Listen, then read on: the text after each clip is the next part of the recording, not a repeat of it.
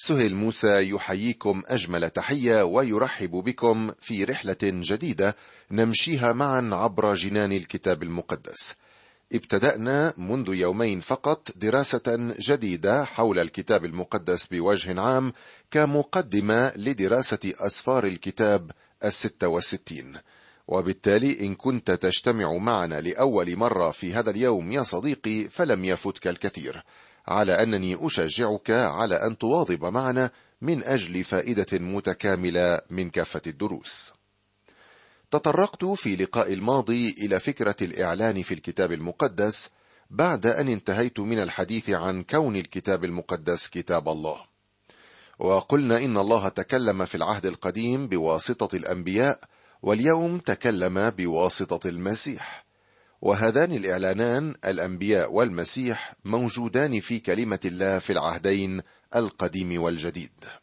يحتوي الكتاب المقدس على ستة وستين سفرا وقد تكلم الله عبر كل واحد من هذه الأسفار. ونحن كبشر نحتاج إلى إعلان الله هذا مستمعي.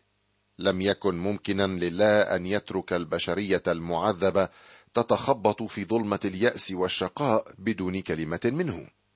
من يجيب عن أسئلتنا الغامضة والملحة؟ من يهتم بشؤوننا؟ إلهنا يا صديقي ليس مشغولا في سمائه بل هو منشغل بنا ويهتم بأدق تفاصيل حياتنا. لذلك أرسل لنا كلامه الطاهر ليرفعنا من أحط درك وصلنا إليه.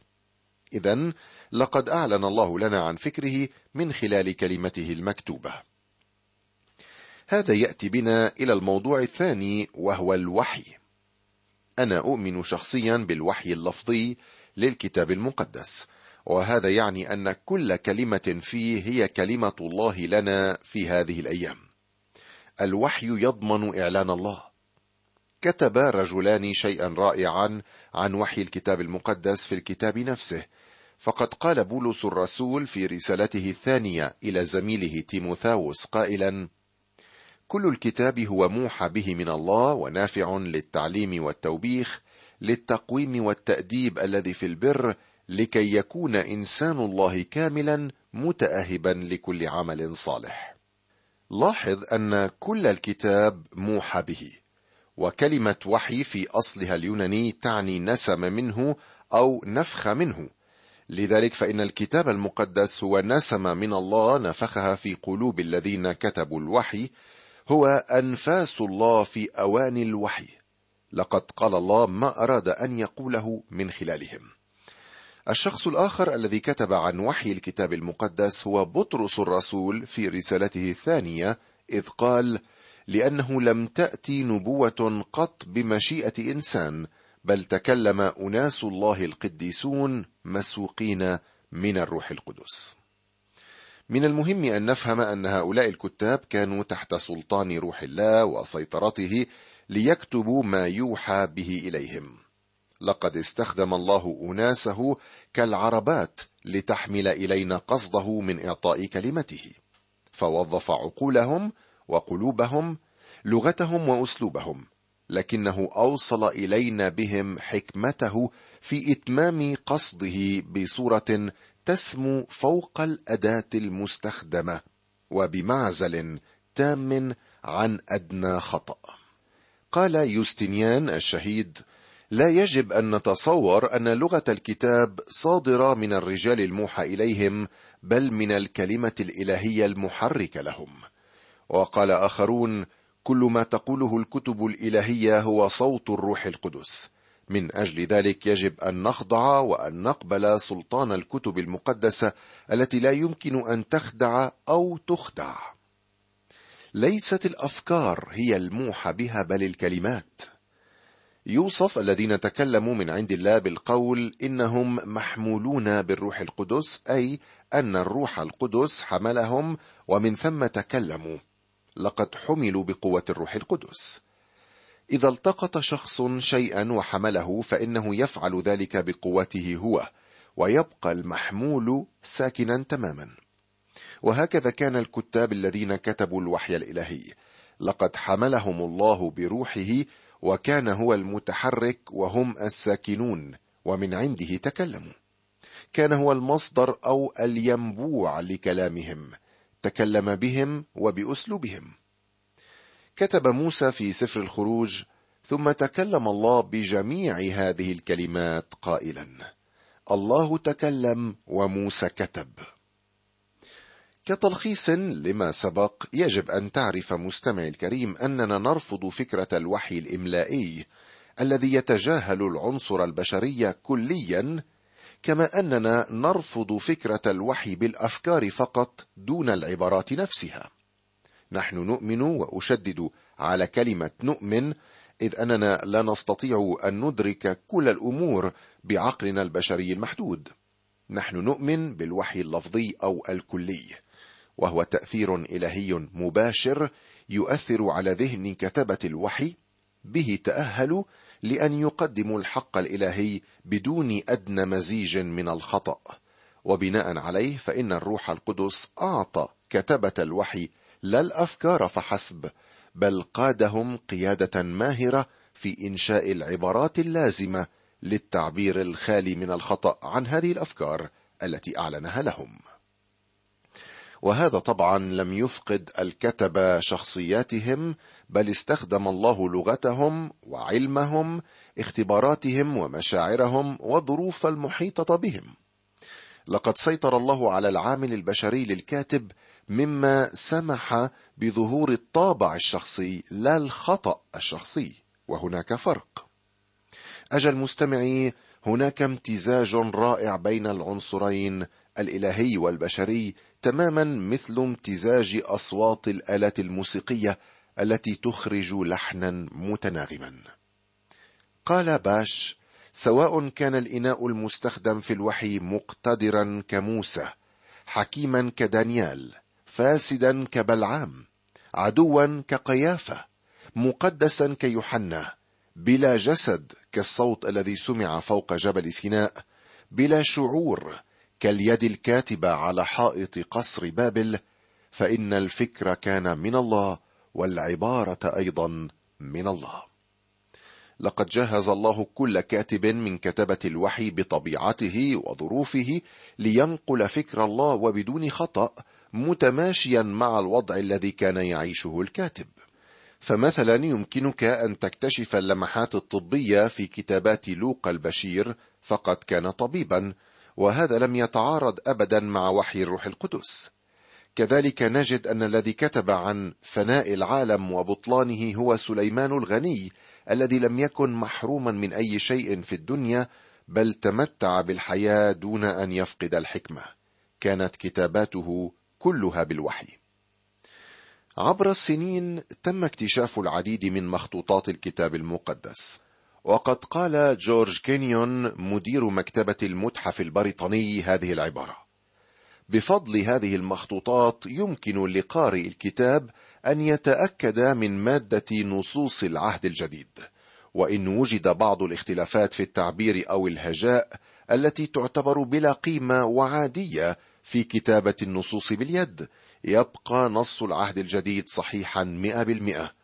وتبقى عقيدة الوحي اللفظي الحرفي للكتاب المقدس مؤكدة وثابتة. قال إيرينايوس وهو أحد آباء الكنيسة في القرن الثاني الميلادي إن الكتب المقدسة كاملة إذ هي صادرة من الله وروحه حتى وإن عجزنا عن إدراك أسرارها. أما الواعظ الشهير سبيرجن فقد قال لا يمكنني أبدا أن أشك في عقيدة الوحي اللفظي للكتاب المقدس إذ أنني أرى يوميا تأثير الكلمات التي استخدمها الله على حياة الناس. الأمر الثالث في موضوع الوحي هو الاستنارة. بما أنه يوجد بين أيدينا كتاب إلهي وبشري في الوقت ذاته كتبه أناس عبروا عن أفكارهم بكلمات من عند الله فإن روح الله يعلمنا كلمة الله. هذه هي الاستنارة. كانت الخطوة الأولى إعلان الله إلى كتبه الوحي أفكاره العجيبة. والخطوة الثانية هي سيطرة الروح القدس على الكتبة لتدوين الوحي الإلهي وإيصال الإعلان الإلهي لنا.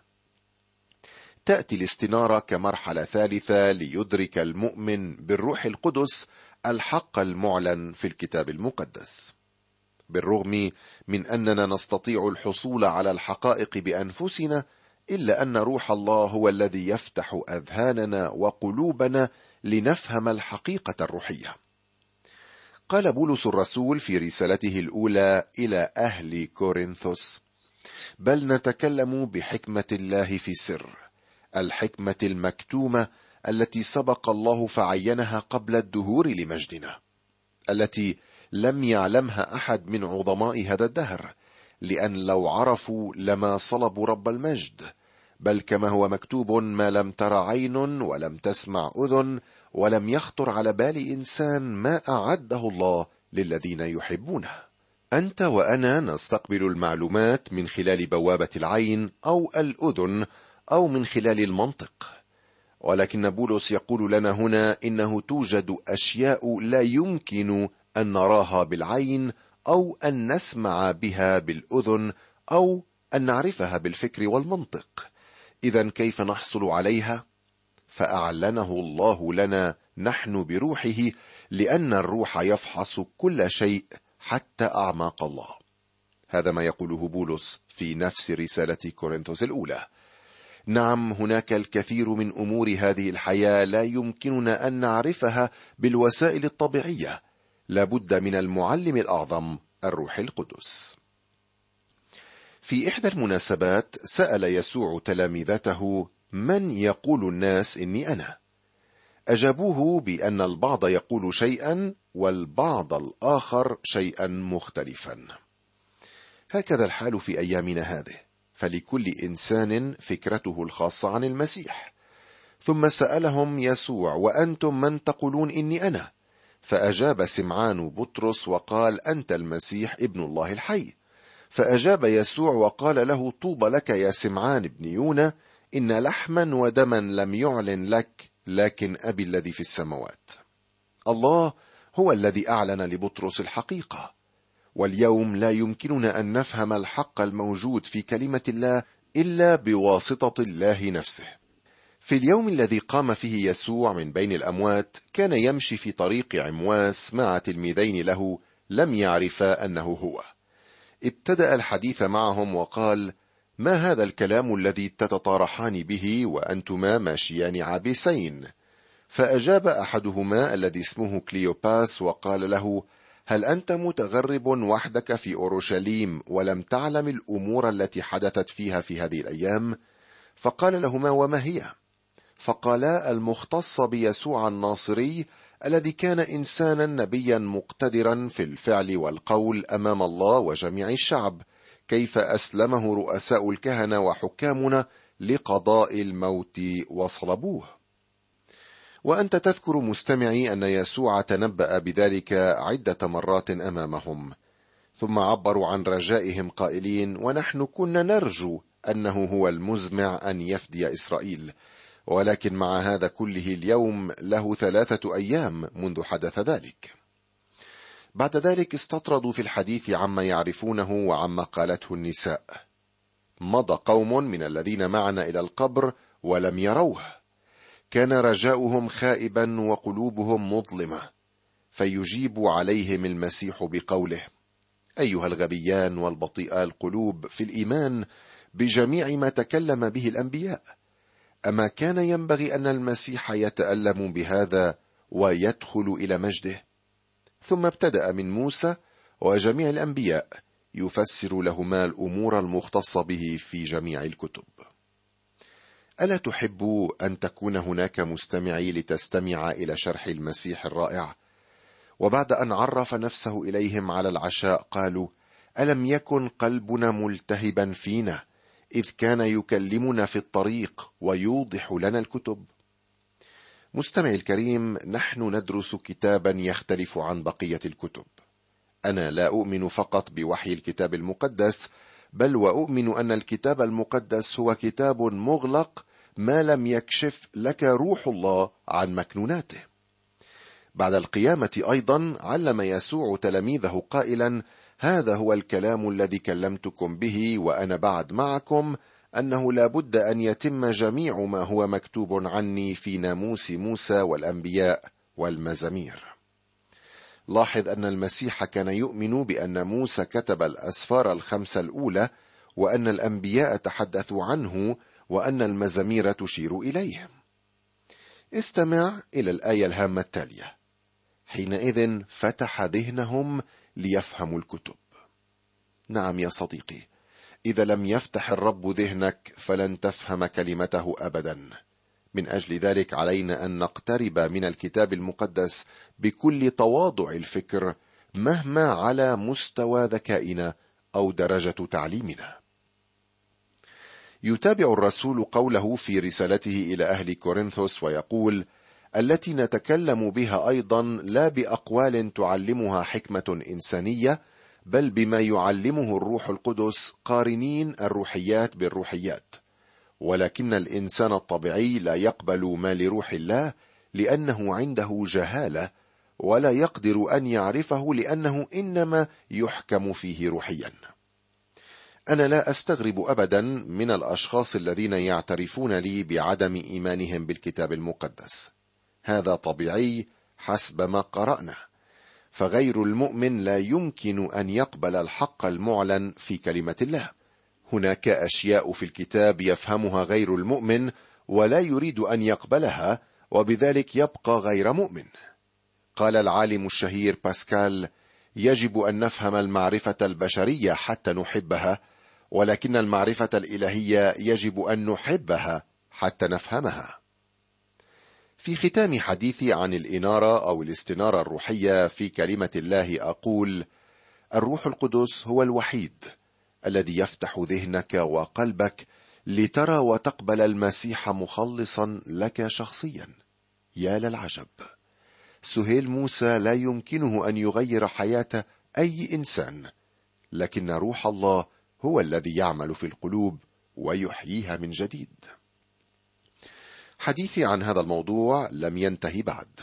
سأتابع المرة القادمة بإذن الله الحديث عن النقطة الرابعة في موضوع الوحي المقدس لنبدأ بعد ذلك التأمل في الإرشادات العملية في تناولنا للكتاب المقدس. لذا أدعوك أن تتابع هذه الدراسة بروح الجدية. وأنا أثق أن روح الله سينير ذهنك ويفتح قلبك لتستقبل كلمة الله بروح الخشوع والطاعة.